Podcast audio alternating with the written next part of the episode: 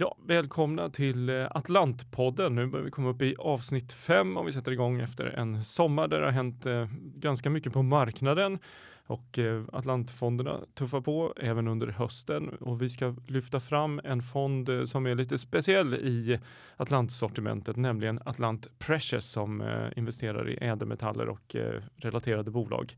Och med mig idag har jag därför fondens förvaltare Mattias Gromark.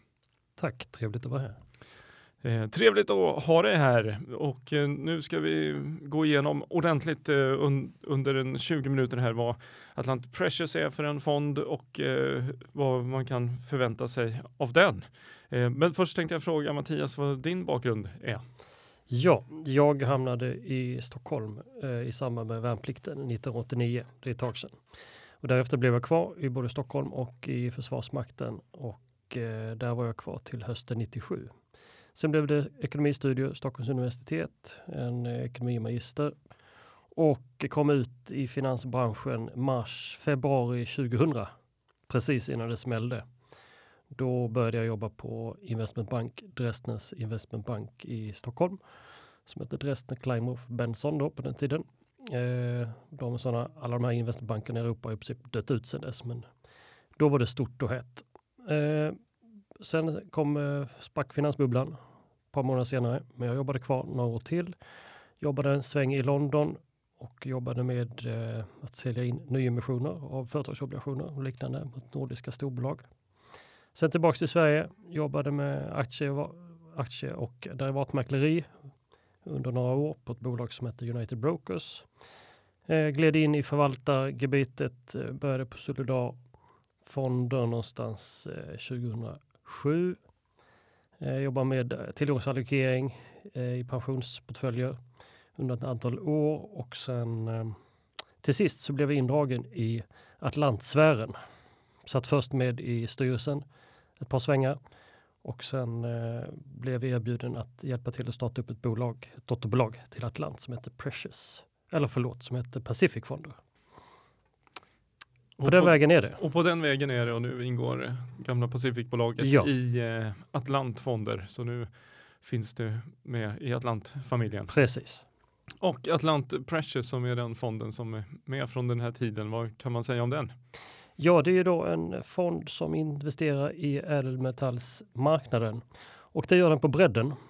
Eh, och tanken med det är att ge en fond inom det här segmentet som, där man själv slipper sätta ihop ett kom, en komplett portfölj. Så vi investerar både i bolag och direkt i instrument som ger exponering mot ädelmetaller. Och det är inte bara guld, utan det är alltifrån guld, silver, palladium, platina och sen får man lite andra metaller på, på köpet så att säga. Det produceras ganska mycket koppar och zink och annat i de, av de här bolagen också. Så det är en ädelmetalls och eh, metallportfölj på bredden. Och, eh, och förutöver på bolag så investerar vi i eh, direkt i guld, silver och palladium platina som sagt. Och då investerar vi i instrument som kan vara ETC och liknande så att man får prisutvecklingen. Och vi viktar de här instrumenten då ut efter vad vi tror är mest gynnsamt för tillfället. Ja, så en aktivt förvaltad eh, fond med exponering mot ädelmetallssektorn kan man säga. Eh, vad, om man tittar på de eh, bolag som ingår i den delen av, av portföljen, vad, vad, har vi för exempel på bolag där? Vad, vad letar du efter då? Ja, de mest kända bolagen i guldsektorn det är ju till exempel Barrick eh, Gold och eh, Newmont Mining. Det är de två giganterna. Eh, man kan väl säga det att vi eh, investerar inte bara i gruvbolag som bara sysslar med eh, brytning utan vi har tagit på bredden allt ifrån de som sysslar med prospektering, eh, utvinning men även bolag som hjälper till med att finansiera och stötta bolag i den här sektorn. Så att, och vi fokuserar på allt på de stora mogna bolagen till och med mindre bolag som är lite mer krydda i portföljen. Så det är alltifrån ganska små bolag till väldigt stora i sektorn. Ja, en bra riskspridning inom ja, området precis. alltså. Och hur har det gått då?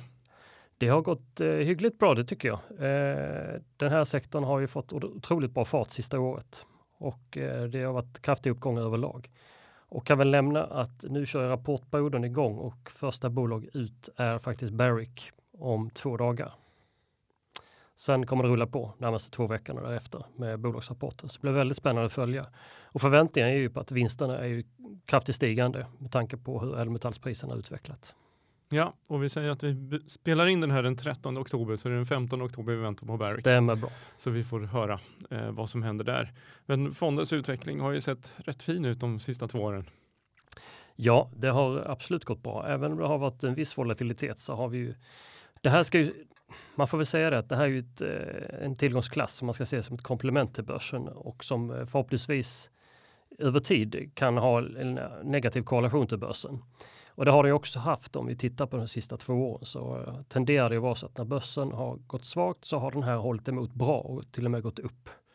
Eh, så att vi har haft en fin, fin utveckling här, sista, tittar på de sista två åren, då är vi upp närmare 48 procent och samtidigt så har OMX, inklusive utdelningar, varit upp eh, drygt 19 procent.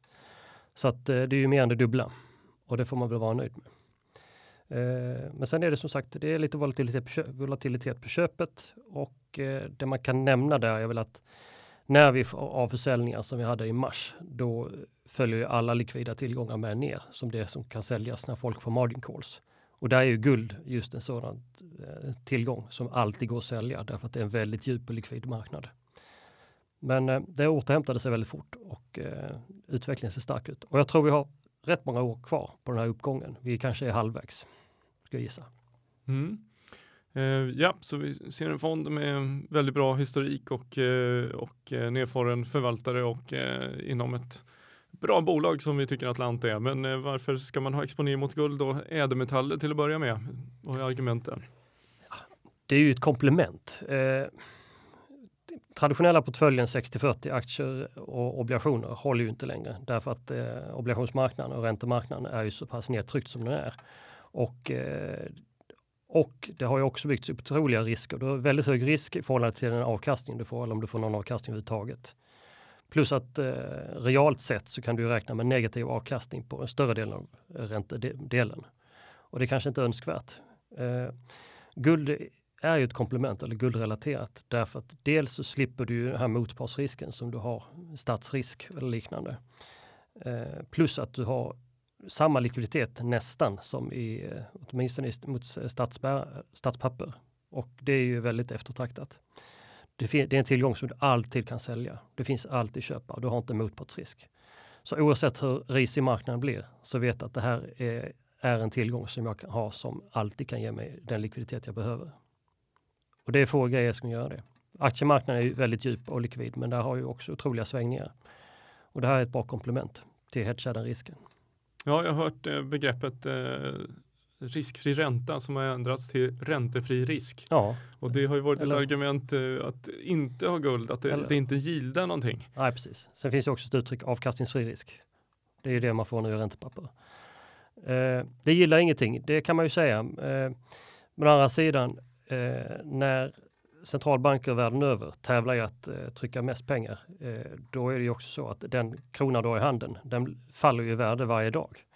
Eh, så att mm, visst, man kan säga att guldet har gått upp mycket, men man kan också se det som att ens valuta har gått ner väldigt mycket i värde medan guldet har stått still. Det är samma sak du ser med börsen. Det är inte så att allting bara går upp av sig själv, utan det finns ju en naturlig förklaring när du spär på eh, volymen i en valuta då spär du ut. Du får väldigt mycket mindre för din dollar eller din krona. Och därför ser det ut som allting går upp. Medan i själva verket är det valutan som faller i värde. Ja, jag har hört eh, andra guldförvaltare referera till att man ser, man ser hela marknaden i förhållande till värderingen på guld. Ja. Och tittar mycket på det här, ja men hur stor andel av börsen kan jag köpa för eh, samma mängd guld? Eh, och hur, hur ser den utvecklingen ut sista åren? Ja, nu har jag inte det exakt i huvudet här, men om vi tittar på topp, förra guldtoppen så tror jag du kunde köpa du har fallit ungefär två tredjedelar någonstans vad du kunde köpa S&P jämfört med nu. Och nu verkar vi passerat en botten här i guld i förhållande till S&P. Eh, det ser ut som en historisk värdeskillnad som vi sitter på just nu och verkar vara på väg upp igen. Eh, så att guld är jämfört med börsen är guld väldigt billigt fortfarande. Det är en annan eh, kul sak som är relaterad till oktober också. Det är ju för, för att illustrera det här med, med hur, hur prisutveckling och, och, och, guldpriset har utvecklats. Det eh, att du har tagit fram en rätt skoj eh, graf här med prisutvecklingen för en öl på Oktoberfestivalen i euro mot guld från 1950 till 2018. Ja, det är väldigt spännande. Eh, det här är någonting som alla män kan relatera till i alla fall. Om man säger att 1950 så kostade en, en öl, vi kan säga att det kostade en euro i guld och i, i valutan euro. I, idag så kostar den ungefär samma i guld. Alltså vi pratar då eh, eh 70 år senare. Medan om du ska betala i pappers euro så har du någonstans fått gå upp, eh, den är 14 gånger dyrare. Och det är rätt stor skillnad. Du får 14 gånger färre öl för samma insats euro, men du får lika mycket i, om du skulle betala i guld. Mm. Och det är det här med köpkraftens urholkning över tid. Eh, menar, centralbankerna pratar om att de har prisstabilitetsmål. Men eh, det är ju lite, lite villfarelse. Man borde ju snarare prata om någon form av prisurholkningsmål som man faktiskt har. De vill ju att, att värdet ska falla med under slänga 2% per år för att man ska kunna hantera, eh, smörja ekonomin med skuldsättning och så vidare, lönebildning. Men eh, det är lätt att glömma det över tid, att det ger otroligt utslag. Så att, att sitta på cash är ingen bra idé nu för tiden. Utan det är bättre att köpa ölen direkt. Ja, eller eh, Alant Precious då. Ja. eh, jo, men eh, det vi tittar på med de här, sådana här faktorer vi ser fram, framåt eh, nu som, som kan påverka eh, guldpriset. Det, det, är väl det som blir eh, intressant här och vad, vad ser vi tala för eh, som du säger att vi, att vi är i början av, eh, av den här positiva utvecklingen för, för guldpriset? Ja, den stora drivkraften det är ju centralbankerna. Eh, vi har en bild på det här med centralbankernas, eh, titta här på Feds balansräkning. Före finanskrisen, vi pratar då 2008, så var balansräkningen, eh, balansomslutningen för Fed ungefär en triljon US-dollar. Under finanskrisen då eh, så dubblades den till över, strax över två. Sen sjönk det något efter 2009 där, men höll sig ganska stabilt eh, runt två. Så började det öka successivt och så tog det fart igen 2013 upp till 4 triljoner och nu då i våras här så drog vi iväg från 3 upp till över 5 nästan en dubblering under våren. Här. Och det är, det är ju en dubblering från en hög nivå. Och eh, ja, ni hör ju vad man pratar om i media i USA. Vad Fed, Fed trycker ju på att nu måste ju regeringarna ta över och eh, komma ut med nya stimulanspaket för att hålla igång det här. För att ekonomin är inte så motståndskraftig som, man, som det ser ut eh, otroligt många som är beroende av paycheck eh, för att de är alltså från staten därför att man är utan jobb. Det är mycket fler än man, vad som syns i statistiken. Så att det här kommer fortsätta. Det kommer krävas mer stimulanser, mer skuldsättning och det kommer fortsätta driva reala tillgångar under flera år framåt. Och guld är en av dem och det är en, en av de få utan motpartsrisk. Mm. Vi hänvisar till ehm, eh, lite bilder som, som vi har och de kommer vi lägga upp på vår hemsida så man ska kunna eh, hitta de här. Så vi kopplar dem, vi tänker vi kopplar dem till eh, eh det här avsnittet och eh, lägger upp de bilderna så att alla ska kunna eh, kika närmare på det här. Där finns det mer data om precis vad det är eh, vi pratar om. Eh, vi pratar om nu. Eh, och tittar man på, ja, tittar man på valutor och, och guld som sagt, det, det är väl den gamla Eh, Eh, tillgång och efterfrågan. Ju mer dollar desto mindre blir de värda eller hur fungerar det? Ja men det är ju så här att eh, det man skämtade om för några år sedan det, det har ju liksom blivit verklighet. Eh, tittar vi på Bank of England till exempel så är det ju så att numera har regeringen ett konto ett open-ended konto hos eh, centralbanken där de bara kan ta ut pengar när de behöver. Och det kontot, ja, var kommer de pengarna ifrån? Ja, det, det, det printas ju digitalt eh, och det fylls på när det behövs. Så att eh, det är direkt eh, finansiering av staten från centralbanken och eh, det luktar väldigt mycket bananrepublik kan man ju tycka. Och vi har en rätt intressant bild på det här som vi kan relatera till det här. Eh, om vi tittar på köpkraften för de vanligaste valutorna, då är ju, är ju faktiskt brittiska pundet den som har gått absolut sämst. Eh, om och vi, framförallt om vi jämför med schweizerfrancen. Schweizerfrancen är den som stått sig starkast och har klarat sig mycket, mycket bättre än alla andra valutor. Men pundet, de leder på nedsidan. Och det är ju priset eh, för att bedriva den typen av politik. Och det kommer ju inte hålla i längden.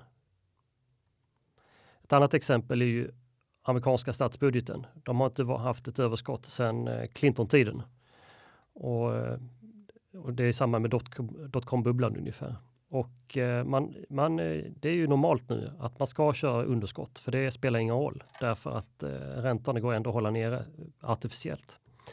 Så att man kör det här så länge det går. Men någonstans så kostar det ju någonting och det är ju köpkraften som urholkas. Och eh, förtroendet kan slutligen för eh, staterna kan ju komma ifrågasättas. Och, eh, vem vill ha en dollar eller en brittisk pund i, om en, ett par år när man inte vet vad den är värd dagen efter? Så att eh, det kan bli problem med finansieringen i slutändan. Men det är ofta inget problem så länge skulden ägs av internt i landet så att säga, att det är hushållen själva som står bakom och institutionerna själva i landet. För då kan man ofta lyckas snurra det här vidare, precis som man gjort i Japan. Men det som, eh, det som vi säger att det, att det tar stopp till slut, att man inte kan hålla på så här längre, det, det innebär alltså att det blir en stor inflation och att man måste eventuellt eh, ja, socialisera de här skulderna ut på befolkningen och, och Ja, det, det, är ingen som tror på hyperinflation. Men vad händer om vi istället för att komma upp i, och centralbanken har ju misslyckats med att komma upp till sitt inflationsmål av 2% Men då ska man också tänka på att då, hur mäter man inflation? Ja, det är inte tillgångsinflationen man mäter på aktier eller på, på statspapper eller räntepapper eller på konst eller fastigheter. Hade man lagt in det på ett annat sätt i hur man mäter inflation. Det finns ju mycket kritik mot det här, inte bara från eh, foliehattar utan även från eh, nationalekonomer och liknande. Att man kanske borde ha ett bredare mått och kanske vikta annorlunda. Då skulle man också agera annorlunda. Det tror jag. Eh. Så att så länge vi har en inflation på aktier så kommer de fortsätta eh, gå upp? Helt ja, men så är det. Så länge man eldar på det här och bara gör det på med nya pengar. Ja, aktiemarknaden kommer att gå bra. Det kommer att vara volatilt. Men detsamma gäller alla andra fasta tillgångar också. Det är bara att titta på fastigheter hur hett det, det är. Det är en fest som kommer att fortsätta tills det inte går längre. Men det går så länge det går. Och någon gång är det väl så att räntorna, någon kommer kräva högre betalt någonstans av någon stat för att låna ut pengar. Ja, och det är det här eh, och det är väl därför som guldpriserna går upp lite nu eh, också för att det är många som ser det här och försöker eh, rädda, rädda delar av sina portföljer i alla fall och säkra det mot, eh, mot den här utvecklingen helt enkelt. Precis. jag tror vi är lite senare i Sverige och Europa på att haka på den här trenden, men så vitt jag förstår så i USA så har har det blivit betydligt vanligare bland eh, pensionsorgan och liknande att numera är guld och eh, en normal tillgång i portföljen igen. Någonstans 3,5 till 5 procent har man börjat ligga på. Det ses som eh, man har liksom tagit ut en bit av räntetårtan och skurit ner den och stoppat in guld igen. Det var ju ett klassiskt tillgångslag tidigare, men det var någonting man glömde bort för att man såg inte nytta med det. Men eh, nu har man börjat inse igen att det, det, är någonting som behöver fylla det här räntehålet som inte ger någon avkastning längre utan och har ökat på risken för mycket. Eh, ja, så om vi eh, eh sammanfattar eh, det hela så, så är det Atlant Precious en försäkring i portföljen och en möjlighet till att följa med på den goda prisutveckling på guld som vi, som vi ser framför oss helt enkelt. Absolut. Eh, och eh, själva egenskaperna för Atlant eh, Precious, den, den, när man tittar på den hos olika fondtorg och sånt där så ser avgiften ut att vara ganska hög nu. Vi har en fast förvaltningsavgift på 1 procent. Men tittar man på Vansa och så vidare så ser det mycket högre ut. Vad beror det på?